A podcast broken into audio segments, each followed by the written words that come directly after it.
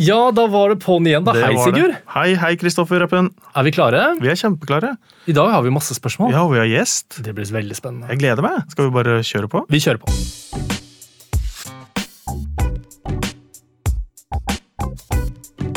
Den minste tissen på børsen. Ja, er du av typen som liker at det blinker rødt og grønt på skjermen din? Da har du kommet rett. For hvor er vi nå? Nå er vi på den minste tissen. På børsen. I dag så har vi jo eh, celebert besøk. Det har vi, så absolutt. Ole Ketching Marius. Ole Marius Lauritzen fra Handelsbanken. Jeg må, jeg må lese tittelen din. Det er Equity and Bone Sales. Eller nå er det vel egentlig primært equity sales, men uh, Ja. Equity bond sales er, eh, er det som står i Stryker vi bånd. Vi forholder oss til e-postsignaturen. Hvor er det naturlig å starte?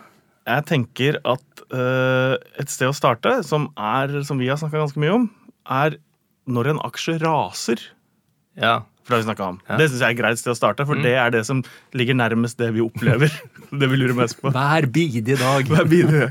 Når en aksje raser, uh, og liksom hva, hva, hva gjør at folk kjøper når andre liksom skal av? Ja, Jeg kjøpte noe når det raste, og det fortsatte å Og rase. da fikk vi svaret på det. Takk for at du kom, Ole Marius. Eh, Det er jo mange eh, svar på det. Men eh, for å ta noen av dem, så er det klart at det er mange som sitter og følger med på aksjemarkedet, som følger med på enkelte aksjer og har på en måte kanskje nivåer som de ser etter, og kanskje de har gått glipp av å få vært med på den oppturen, og at de sånn sett ser at de kaller for en ny sjanse, da. Eh, og så er det jo selvfølgelig alltid litt større aktører som har et litt annet perspektiv på ting. Og hva som skjer i det korte bildet, eh, er eh, relativt eh, lite eh, relevant da, i forhold til eh, deres syn på en aksje. Og hvis f.eks. en stor kunde skal ha mye aksjer, så er det veldig gunstig å kunne kjøpe det når det er et salgspress i aksjen. Da får man levert mye aksjer, og til det som kanskje er gunstige priser. For de har da gjort sine utregninger og tenker at hvis den går ned til 12 kroner, da kjøper vi helt uavhengig av hva eh, andre gjør. Ja, Ja. Det, det, det er riktig. Og så er det Det er klart at eh, en del av disse litt større investorene, de har jo en tidshorisont som er lang. Eh, Det kan være ett år, det kan være fem år, det kan være egentlig uendelig.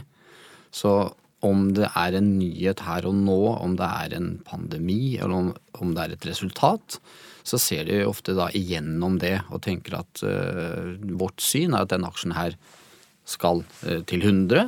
Uh, det er det vi tror, og om vi da på en måte kjøper den når det er et salgspress, så kan det være en fin anledning til å komme seg inn. Og så- Og så kan det være selvfølgelig short-inndekning. Eh, Det med shorting, det er jo Det er i tiden. det er i tiden. For, for å ta det helt, helt konkret, da, så er det slik at uh, vi i Handelsbanken og andre banker vi har en utlånspol. Det vil si store fond og lignende. De har aksjene sine liggende uh, til utlån. Og det, det får de da en rentebetaling for.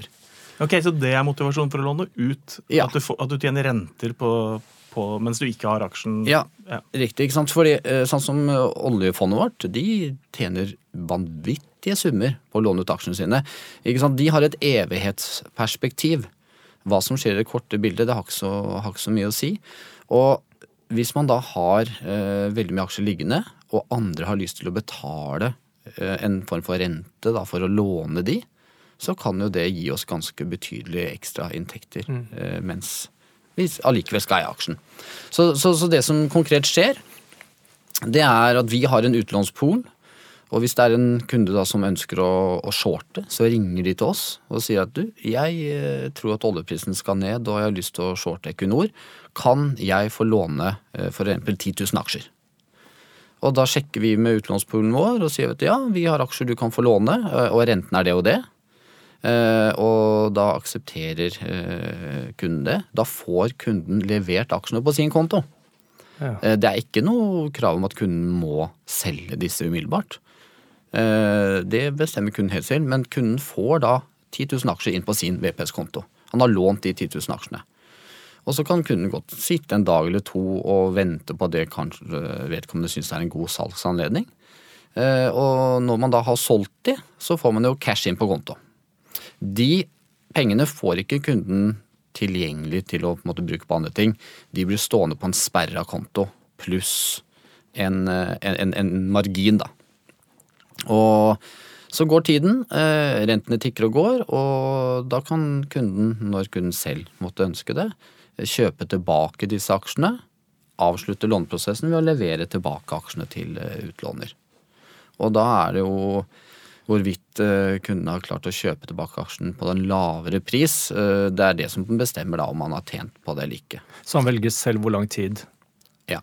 Så det er ikke noe tidsbegrensning i det hele tatt? Ikke noe tidsbegrensning, men det er, noen, det er noen skumle fallgruver ved det å shorte. Ja, for det er noe sånn tvangsutbetaling Nei, nei, du må tvangskjøpe tilbake Ja, det, det, det er en låneavtale som er litt spesiell. Det vil si at den som har lånt ut aksjene, kan egentlig når som helst gi beskjed om at jeg skal ha tilbake aksjene mine nå.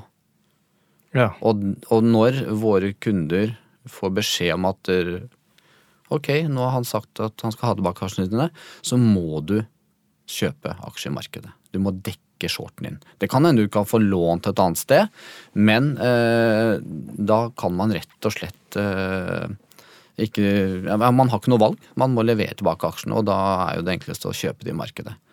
Og, og det er jo ofte det man eh, refererer til som en type short squeeze. Det og det at man blir tvunget ut pga. margin, da.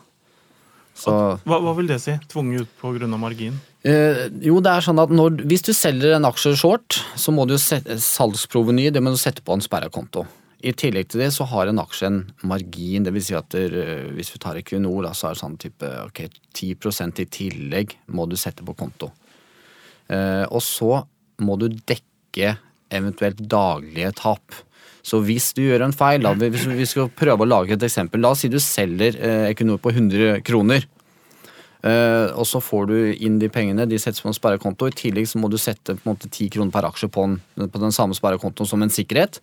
Dersom Equinor stiger til 110, så må du dekke det tapet på 10 kroner per aksje. Så da må du inn med 10 kroner til per aksje på den Ja, sparekontoen. Så du må hele tiden dekke opp det løpende tapet.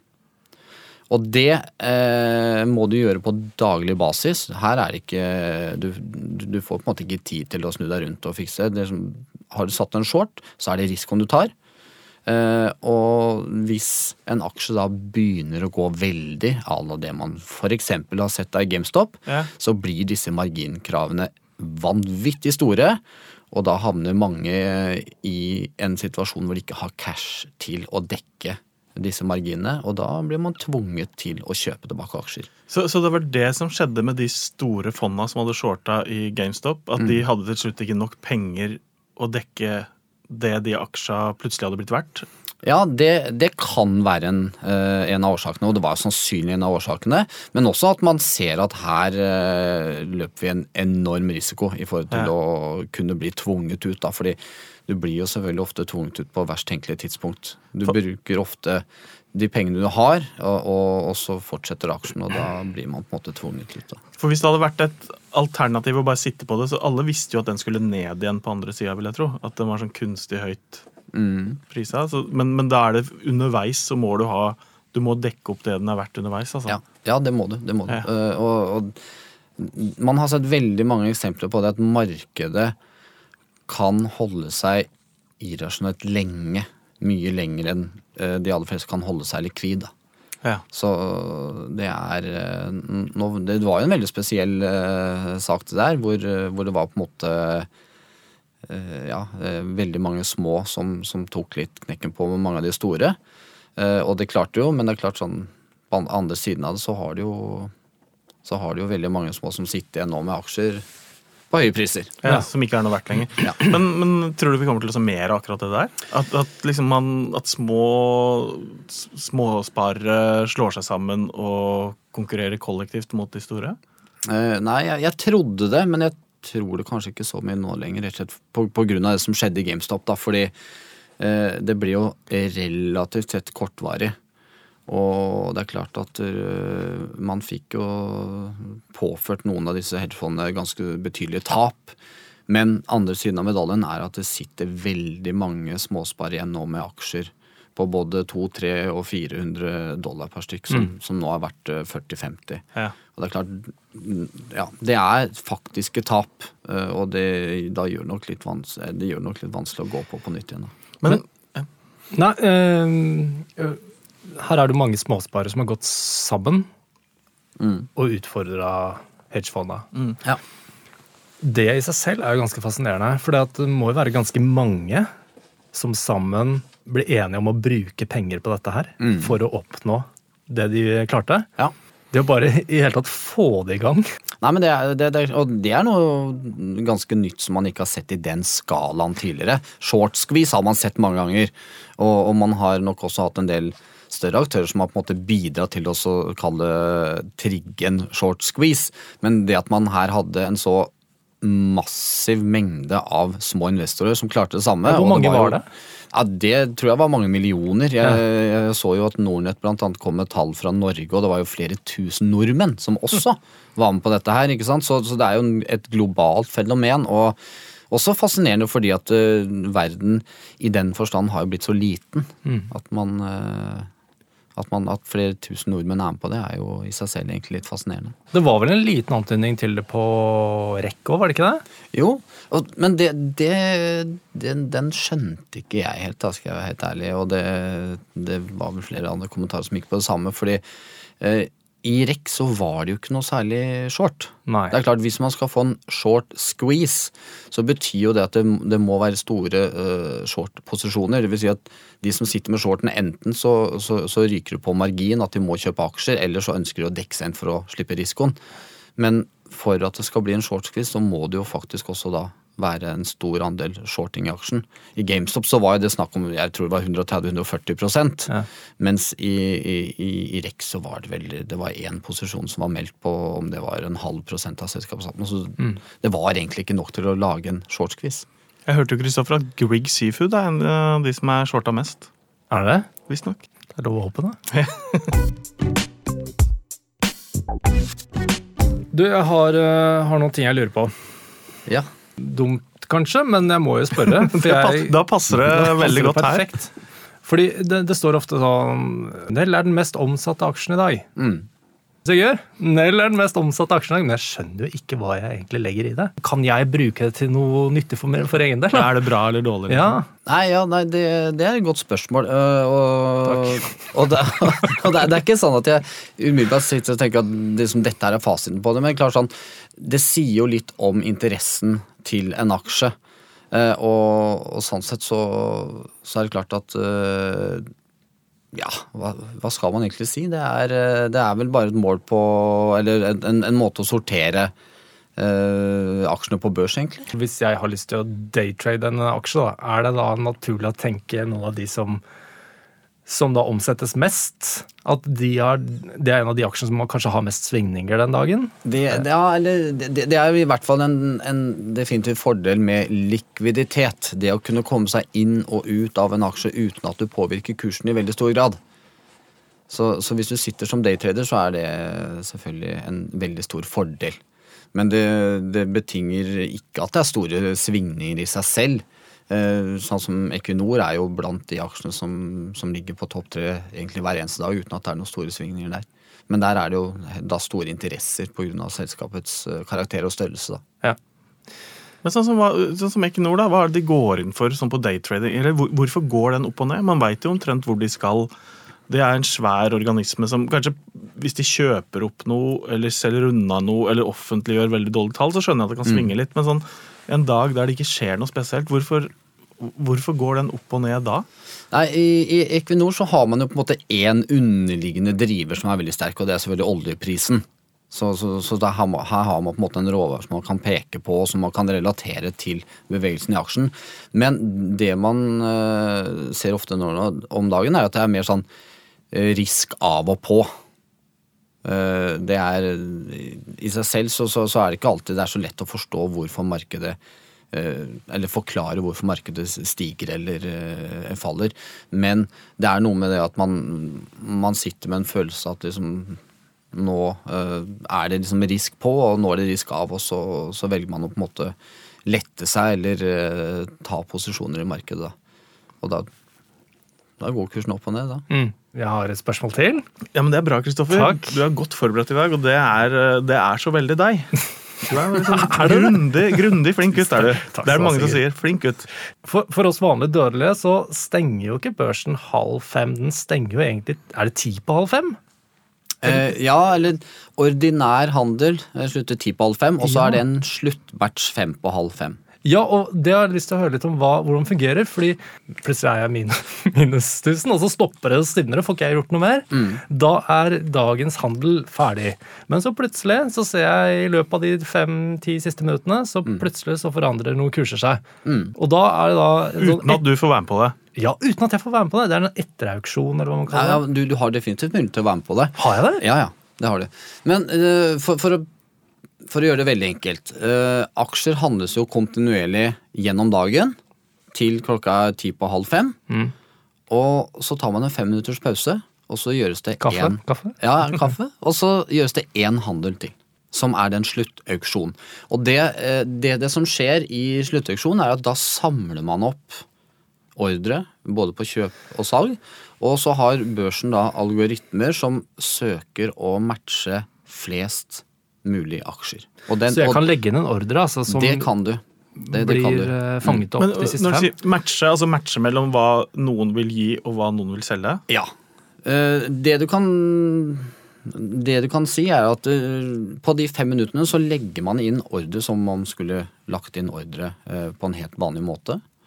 Og så samles dette i på en måte én handel. Og det vil si, hvis man tenker at en aksje eh, stenger på 100 kroner, da, så vil, så vil jo både kjøperen og selgeren få den prisen der. Alle som da ligger med en, sal, en salgsordre hvor kursen er lavere enn 100 kroner, vil få betalt 100 kroner. Alle de som ligger med et kjøp med limit over 100 kroner, vil også få 100 kroner. Og de som ligger med en kurs eller en limit på akkurat 100, der kan det hende at man får gjort eh, deler av beholdningen sin, eller ikke noe, eller alt.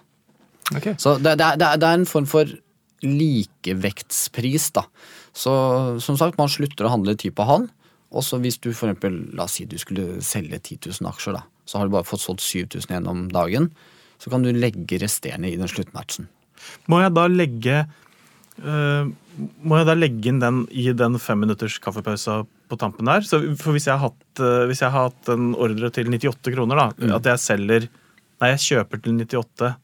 Den har ligget der hele dagen. Annulleres den ti på halv fem da, eller vil den justeres opp til 100?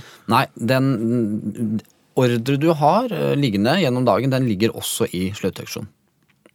Men Men vil den da justeres opp? Det det? Nei. Nei. Nei, det, det, det er ikke. Det som er forskjellen i, Det som er forskjellen når det foregår ordinær handel, så har du ikke kjøpere og selger på samme nivå. Da har du på en måte kjøper på 99,90, og så har du selger på 100. Så hvis man skal kjøpe her og nå, så må man betale 100. Hvis du skal selge her og nå, så må man selge på 99,90. I, I akkurat det øyeblikksbildet der. I en sluttauksjon så gjøres det ikke handel kontinuerlig. Da bare samles masse ordre opp frem til klokka er fem på, eh, fem på halv. Og så finner man da det nivået hvor, eh, hvor flest mulig aksjer matcher. Men det er eh, Jeg skjønner jeg, jeg, jeg merker selv når jeg skal, skal forklare at det er ikke så lett å Ja, nå er du på tynn is, Ole Marius. Nei, det er ikke det. Men jeg, jeg merker at det er ikke så lett å forklare på en sånn, eh, på en sånn pedagogisk måte. Eh, Det du kan si, da, for å prøve å, prøve å forklare og nøste litt mer opp i det, det er at hvis du tenker at jeg skal ikke ha aksjer over natta, jeg skal selge alt nå, så, så, så legger du inn en salgsordre hvor du eh, oppgir da en limit som er eh, gjerne en del lavere enn der sist omsatt eh, aksjen er sist omsatt. Da vil, hvis sluttkursen, sluttmatchen, går på et høyere nivå enn den kursen eller den limiten du har lagt, så vil du selge aksjer, ikke på din limit, men på det som blir matchen. Ja, Det Du- som blir matchen. Du skjønte? Skjønner. Ja, ja, det skjønte jeg faktisk. Eller hvis du skal kjøpe, eh, så, så er det akkurat det samme. Man tenker ok, nå tror jeg dette her blir bra i morgen, jeg ønsker å ha med aksjer over til morgen. Da kan du legge en kjøpsordre med en limit som ligger da gjerne en del høyere enn det som var sist omsatt. Ja. Og hvis matchkursen da blir lavere enn din limit, så vil du få kjøpt aksjer på matchingprisen. For dere som ikke skjønte det, ta det med ro. Det er noen her som Send en mail til Sigurd Nei, men Det tror jeg skjønte. Så, så I praksis så de, de fleste er omsatt, men du har en da siste mulighet til å legge inn eh, rundt det du tror at det vil ende opp på. Du kan enten spekulere at det går litt ned eller litt opp. Uh, for, for å få være godt posisjonert til dagen etter. Da. Ja, vet vet du hva, det er den, den sluttmatchen er faktisk uh, veldig viktig. Eh, det vi ser er at eh, nesten, ja, på veldig mange store aksjer så går faktisk 20-30 av dagens volum i sluttmatchen alene. En sånn helt sånn teknisk, eh, helt sikkert idiotting som jeg ikke har helt skjønt. Så det jo passer jo fint i den podkasten. poeng. Børsen oppgis i poeng. Ja. Nå har den jo bikka over 1000 poeng. Eh, hva, er grei, hva er det? Hva er det liksom en Er 1000 bra, liksom? Eller hvorfor ikke 100, eller hva er greia? Man begynte vel på 100 i sin tid. Så det er jo egentlig bare en måte å vise utviklingen. Da. Er det prosent? Er poeng, poeng det samme som Nei, nei, poenget er ikke det samme som prosent, nei. Men Hvordan deles det ut poeng? Eller hva er det liksom Jeg skjønner ikke greia. Eh, Det man kaller for Oslo Børs, da, eh, det er en indeks som heter OCBX. Og det er, om det er en gang i kvartalet, en gang hvert halvår, så vekter man de forskjellige aksjene eh, i den indeksen. Og det kan hende at noen går inn, og andre går ut. Og, og, og, da er det på en måte utviklingen av den, eh, den, den posen med aksjer da, som, som gjenspeiles i en indeks, i poeng istedenfor uh, for at det er en kall kroneverdi. Da. Men er det noe sånn matematisk at liksom det som var 100 da det starta, er eh, 1000 kroner nå? Eller, eller er det bare en sånn relativ eh, Nei, du, du har nok et relativt måltall? ja det, er, ja, det er et relativt uh, måltall, ja. Det er det. Okay. Jeg synes det var et veldig bra spørsmål. Tusen takk. Ja, Ja, for du, du skjønner ikke, du heller? Er Nei, liksom, nei. Jeg, jeg skjønner jo at fordi jeg har blitt vant til at så og så mye poeng opp er bra, Ja. og at poeng ned er dårlig, så skjønner jeg jo mekanismen, men jeg skjønner ikke hva det er. Nei. Jeg har blitt veldig glad i sånne billige aksjer, sånne jalla-aksjer. Ja. Og så for da kan jeg legge inn store ordre. Da kan jeg liksom bestille, kjøpe veldig mange aksjer. Da. Og da er jeg litt sånn storkar. Så da fyrer jeg opp en sigar og tar på flosshatt, og så sitter jeg og kjøper aksjer. Og da jeg la inn eh, Jeg skulle kjøpe 3000 aksjer av noe som øh, kosta bare noen øre. Og så øh, Da ble noe av det kjøpt på den kursen jeg hadde satt. Mm. Så jeg fikk en sånn, sånn bar, sånn hva, hva heter det for noe? Sånn pro, progr progress bar. Mm. Som liksom hadde, var, var fylt ut noen prosent. da. Ja. Og så ble det ikke noe mer av det kjøpet. Så det, det, jeg fikk bare Jeg la vel inn 3000 og fikk kjøpt kanskje 70 aksjer eller noe sånt. Mm. Men de var da kjøpt til en litt høyere pris enn det jeg hadde satt. Er det, altså det var noen øre dyrere enn det jeg hadde satt som jeg ville kjøpe til. Er det for man regner med å avveie det mot totalen så Nei, men det, det, Der blir jeg for så vidt svar eh, skyldig. Fordi det er sånn at en, en limit er absolutt. Ja, det er det, ikke sant? Ja, en limit er absolutt. Det er, hvis du hadde ringt eh, din, din forbindelse og sagt at jeg la en limit på, på 100, og jeg har kjøpt på 110, da, da har ikke du noe annet valg enn å ta tilbake de aksjene. Men det kan være et men der i form av at når du Du har jo en kostnad på dette her. Så det kan hende at det, når du får en sluttcelle, at du får en Kall det en, en kurs hvor på en måte kostnadene er iberegna. Det, det, det, vet ikke jeg, men eh, i forhold til aksjekursen eller det kjøpet du gjør, så det, det skal ikke skje. Men ble det Du kjøpte noen aksjer? Mm. Nei, jeg skulle kjøpe 3000 aksjer. Ja. Og, så, og da la jeg igjen til den kursen som var pålydende akkurat da jeg Ja. eh, kjøpte. Så fikk jeg kjøpt noen, men veldig, veldig få. da. Fikk kjøpt 70 eller noe sånt. Uh, og så lå den progress-baren der bare hele dagen, og så nådde, gikk aldri den kursen ned til det jeg hadde lagt inn. Men jeg skjønner ikke, jeg visste ikke det. at uh, Hvis du sier at du skal kjøpe 3000, uh, at da, da, da tror jeg at da er det 3000 eller ingen. Men da Ja, nei, tydeligvis ikke. De kjøpte det som var tilgjengelig til den prisen, og så, og så lå den Ja, bare og nei, men venta. er eh, I, i, verste, te- i verst tenkelige tilfelle så kunne du fått én aksje. Mm. Det er ikke noe, Man har på en måte ikke noen sånn garanti for at man får alle man, eh, alle man legger inn. ja, ok, Det har Så- ikke jeg opplevd. Det er så mye du ikke har opplevd, Kristoffer. Nei, jeg visste ikke det. Men, men, Jeg har lært noe i dag òg. Men det, det er klart sånn Det er kanskje et tips fra, fra min side, da. At man, eh, Har man bestemt seg for å kjøpe aksjer, så synes, tenker jeg at man da bør man kjøpe der, man, der markedet er. Ja. Ikke Fordi- spekulere i at det går ned, liksom. Nei, jeg, jeg, jeg mener faktisk det, fordi det er så, det er så små forskjeller, stort sett. Og, og, og, og om det er et øre eller to eller ti Det det er ikke snakk om, min- det er, ikke der, det er ikke der slaget står. Men når man holder på med små beløp, vet du, så er de øra viktige. det er der vi blir rike. Det har, det har vært veldig mye aksjeprat i det siste, Kristoffer. Det er eh, Ja, ja jeg synes, Det er jo det eneste som betyr noe for meg nå. Uh, Men jeg kjenner jo på at uh, sånn hjemme da, så er jeg kanskje den eneste i familien som er opptatt av aksjer. og Ja, for du snakker om det der òg? Jeg blir litt opptatt av å pushe min interesse på resten av familien. da. Eh, Og kanskje særlig barna. Et eksempel var her om dagen da vi skulle legge oss, og så eh, Ja, vi kan jo høre på det. Hvordan har dagen i dag vært, da? Har det vært mye oppgang og nedgang? Det har vært Hva slags fag har du i morgen? Seafood? Kanskje? Grieg seafood? Greg Seafood. I noen sånne modder til Minecraft så er det sånn solcellepanel og sånn. Scatec Solar, eksempel. Solar? Hva betyr det? Vet du hva, nå tror jeg du skal bare legge deg til å sove, så skal du drømme at du flyr av gårde i en eh, Kanskje i Norwegian eller en SAS. Men sov godt da, kompis. Yes, Ole Marius, det er en ting som vi har snakka masse om, som er uh, ting vi burde ha forstått, men som vi ikke skjønner bæret av. Og det er sånn når det kommer til analyse og kursmål og eh, Nå er det satt et nytt kursmål. Nå har vi høyna fra 70 til 80 kroner. Eh, nå har vi gått fra hold til kjøp, eller fra selv til hold.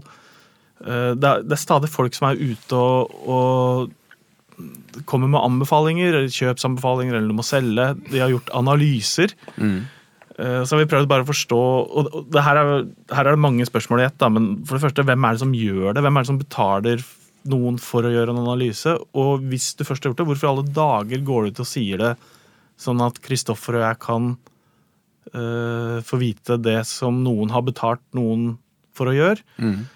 Og en annen ting, Skal vi stole på dem, eller sier de det for at vi er nyttige idioter som da gjør som de sier, og så får de det som de vil, og så gjør de det motsatte av liksom, det er, det er, Hvem skal man stole på? Skal man stole på DN, liksom? Eh, Ja, øh, ja og nei. Det er, øh, ja, ja, det er et stort spørsmål. Men for å begynne med det, dette her med analyser, så er det sånn at analyser er på en måte en kvalifisert gjetning. De vet faktisk like lite om fremtiden som det vi gjør. Men de, de, de, de kjenner selskaper, de kjenner en eh, industri, eh, og de legger noen forventninger til grunn som de publiserer da i form av en analyse og en anbefaling. Det, det høres ut som noe omfattende arbeid. Hvem, hvem er det som betaler noen for å gjøre analyse? For det er vel ikke noen hobbygreier? Det er vel noen som Noen har en interesse av at det blir gjort en analyse? Ja, de, de, de, de aller fleste meglerhusene, bankene, de har jo egne analytikere. Dvs. si at de står på lønningslista til eh, banken eller eh, finansinstitusjonen. Og så betaler jo eh, kundene for dette her enten direkte via at man eh, abonnerer på analyse, eller eh, via kurtasje. Så når du gjør en handel, så er på en måte den kurtasjen med på å dekke eh, analytikerne sin lønn. Så det er eh, det som er på en måte vanlig. Eh, og nå den seneste tiden så har det også blitt uh, mer og mer vanlig med det som er betalt analyse, hvor faktisk selskapene selv betaler uh, for å få analysedekning på, på selskapet. Oi, men det, det høres jo litt rart ut. For da, er det jo, da, du, da bestiller du vel gode tall, vil jeg tro. Ja, det, det er et godt spørsmål. Det, det var jo en liten sak på det. Uh, hvor det var ABG Sunndal Collier som hadde tatt betalt for å lage en analyse eh, på Aksaktor. Eh, det eh, det syns eh, jeg for så vidt egentlig er helt fair. Det vil si, de kommer ikke med en konkret anbefaling. Det de egentlig gjør, er at de tar en gjennomgang av selskapet, de tar en gjennomgang av eh, industrien, eh, av eh, selskapets finanser osv. Og, så og så legger de noen forutsetninger til grunn, og så kommer de med eh, en, en, en, en spredd, Dvs. si at vi mener at aksjen er verdt et sted mellom 8 og 18 kroner eh, avhengig av hvilke forutsetninger du legger til grunn. Eh, Så det er, ikke en, det er kjøpsanbefaling, det er ikke en salgsanbefaling, men det er klart at det, er jo veldig lett eh, å, å, å sånn sett eh, tenke at eh, man blir jo selvfølgelig farget av oppdragsgiver. Det, er, eh, det skal nok ganske mye til når det kommer noen og banker på døra, betaler noen hundre tusen kroner for at du skal lage en analyse på selskapet. Så blir det ikke en ren slakt.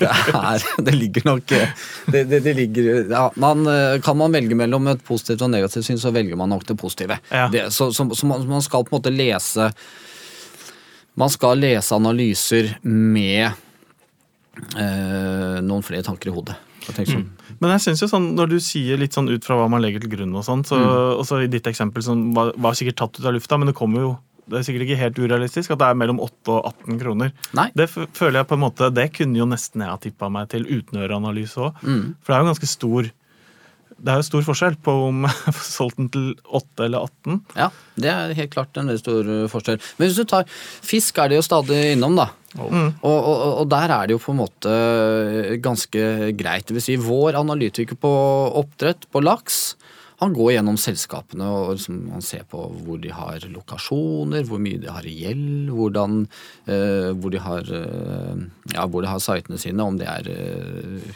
utsatt i forhold til biologiske problemer, alt mulig sånne ting. Og så er det jo selvfølgelig lakseprisen fremover som da egentlig bestemmer hvor store marginene faktisk blir. Og i, i, i, i sin analyse så, så tar han en gjennomgang av selskapet. Eh, også ikke minst hva selskapet har tenkt å gjøre fremover, hvordan kostnadssituasjonen og Veldig mange ting. Og så kommer han med et lakseprisestimat. Og la oss bare tenke egentlig at han forventer at lakseprisen i 21 skal være i snitt på 55 kroner kiloen. Da er det det som ligger til grunn. Og da har han funnet ut at hvis dette her eh, blir gjeldende, så mener han at eh, kursen bør være på 100. Og så går tiden litt, og så er, viser det at etterspørselen etter laks den øker. Så plutselig ser man at lakseprisene kommer jo sannsynligvis til å bli kanskje 65 kroner kiloen, ikke eh, 55 som jeg la til grunn. Da må jo han gjøre en justering av sin analyse. Og så, så tar man en ny gjennomgang av selskapet. Så, ok, Har kostnadene økt nå? Er det noe annet som tilsier at, liksom, eh, at, de, at de skal ha mindre marginer enn hva de hadde på 55? Eh, og vi svarer på det nei, eh, så vil de få da 65, så de, får, vil få en mye høyere margin. Noe som is, is, igjen da tilsier at der, eh, den aksjen bør jo prises høyere, fordi de tjener mer penger. Men, men for det, det minner jo, lakseprisen minner jo om oljeprisen. Og, Ja. og jeg føler jo hver gang det kommer melding om at oljeprisen har gått opp, så syns jeg nesten alt innen oljerelatert næring går opp dagen etter. Ja. Og på samme måte når lakseprisen øh, når, tilbudet er stort, sånn at prisen går opp, Mm. det er ikke tilbudet, men etterspørselen er stor, så føler jeg at alle, de aller fleste lakseeksportører går opp. Mm. Eh, Så, så, men alt det andre med regn... Det er nesten, det, den syns jeg liksom holder for min del òg, da. At eh, ok, hvis oljeprisen går opp, så kjøp noen aksjer innenfor olje, da. Mm. Eh, og, og det gjelder jo om han legger til grunn 48 kroner eller 55 kroner på lakseprisen òg, så, Mm. så er det jo Det følger jo bare svinginga på prisen. Ja, men, men det, det er klart det er ganske store individuelle forskjeller. Hvis du tar olje som eksempel der, da, så er det klart at så har du et selskap som Aker BP, som har produksjon primært i Nordsjøen, og så har du et selskap som DNO, som har sin produksjon i Kurdistan. Olje er sånn mer eller mindre det samme, men det er veldig stor forskjell på de to selskapene. Både okay. sånn risikomessig, ikke minst hva de får betalt for oljen sin, og ikke minst hvilke felter de har, og hvordan de, hvordan de ser ut. da. Okay. Så, så det, er, eh, det er individuelle forskjeller som, som en analytiker kanskje kan eh, ja, peke på. Kan finne ut av. Mm. Vi har fått lytterspørsmål fra Mathias. Hei, Mathias. Hei, Mathias. Og han sier eh, det er, det er litt sånn Er det sant at 90% av de som hevder de har peiling på aksjer, bare later som og gjemmer seg bak tåkete retorikk, skråsikkerhet og symbolsk kapital, og at vitenskapen finans er en Mikke Mus-vitenskap? det er min fordom. Ja, ja, men nei, men jeg tror han har mye rett i det.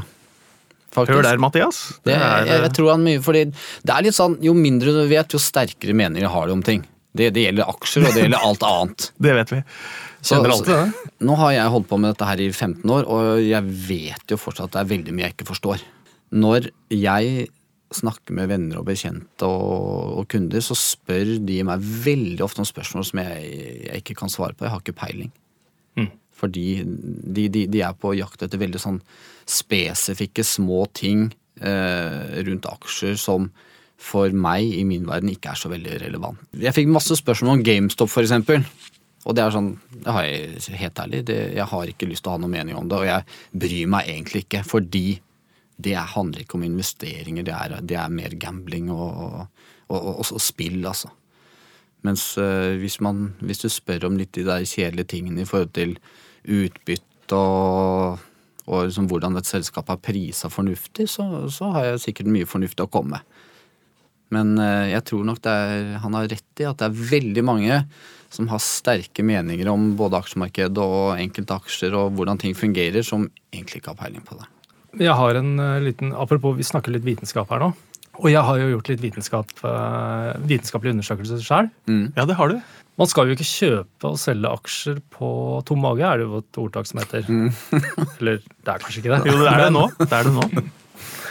Men basert på min egen vitenskapelige forskning, da, så har jeg kommet fram til at kursene tar seg opp etter 11.30-12-tida. Det har jeg hørt mange Ja, du har det. Mm. Det, er ikke, det er ikke nytt for deg. Nei men Uh, Og vi vet jo alle at vi er mer irrasjonelle og grinete på tom mage.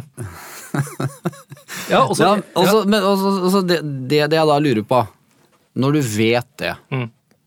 så har du da antar jeg at i og med at du har funnet ut det, og du vet at det funker, så antar jeg at du benytter deg av det hver eneste dag. Jeg prøver.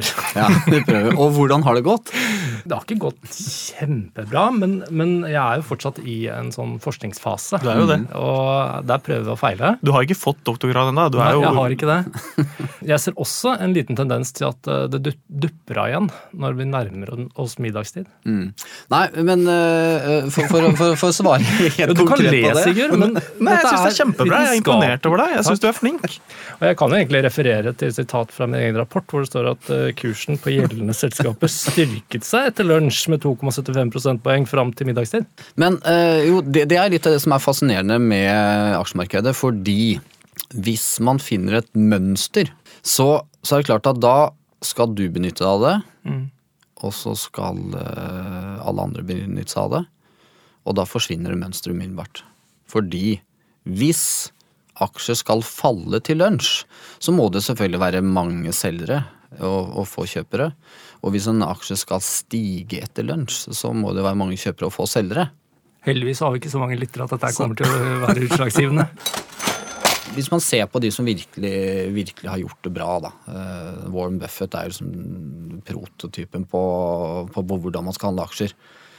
Og hvis man ser på det han gjør, så er jo det egentlig veldig enkelt. Han kjøper selskap som han forstår, som på en måte oppfyller en del kriterier, og så har han et evighet, evighetsperspektiv på det. Det ligger en veldig fin eh, film på HBO. 'Becoming Warren Buffett'. Okay, som ja. ligger der, som var veldig, Den har jeg sett som lekse. Og det er jo en fyr det er lett å like. Ja, ja.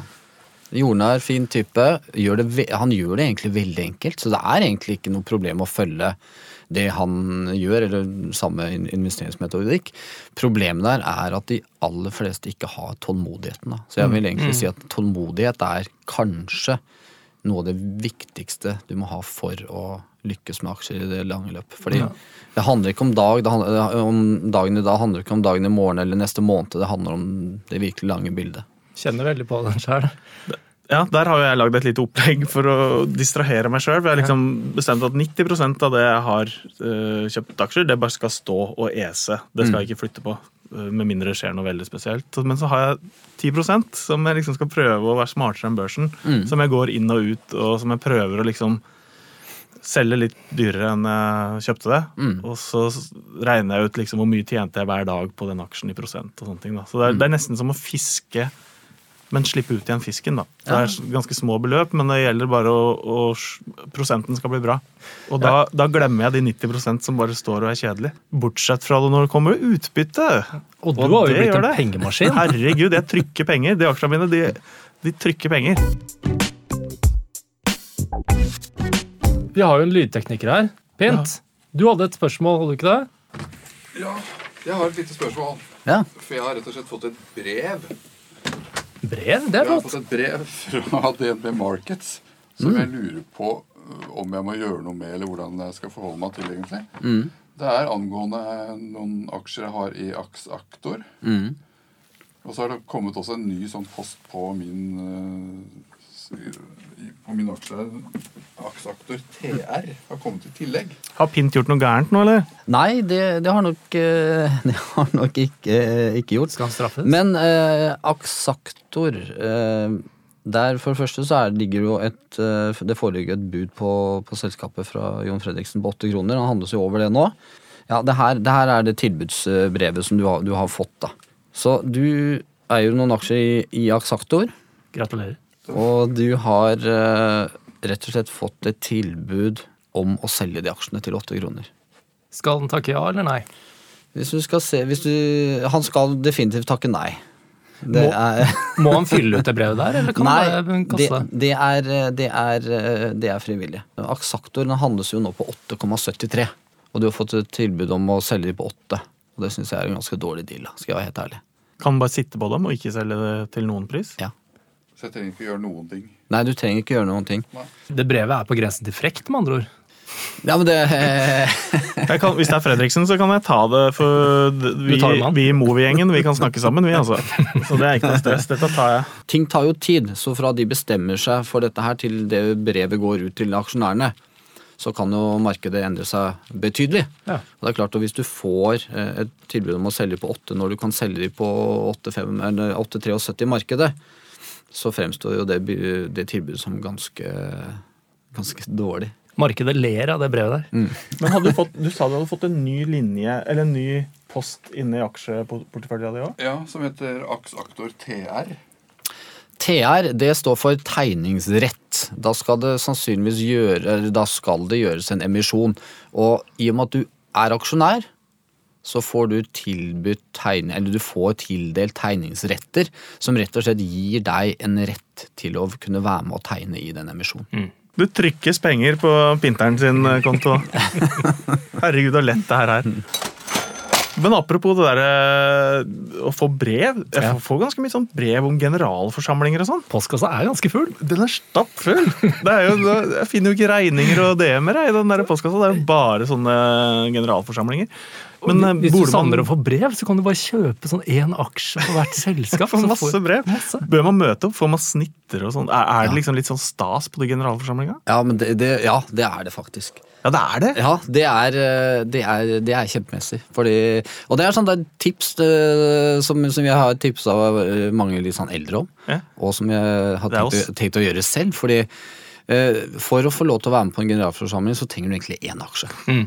Og, og det er høye snitter og, og, og mye informasjon der. Eh, og eksempel oppdrettsselskapene. Da. Eh, nå er det jo selvfølgelig litt spesielt nå pga.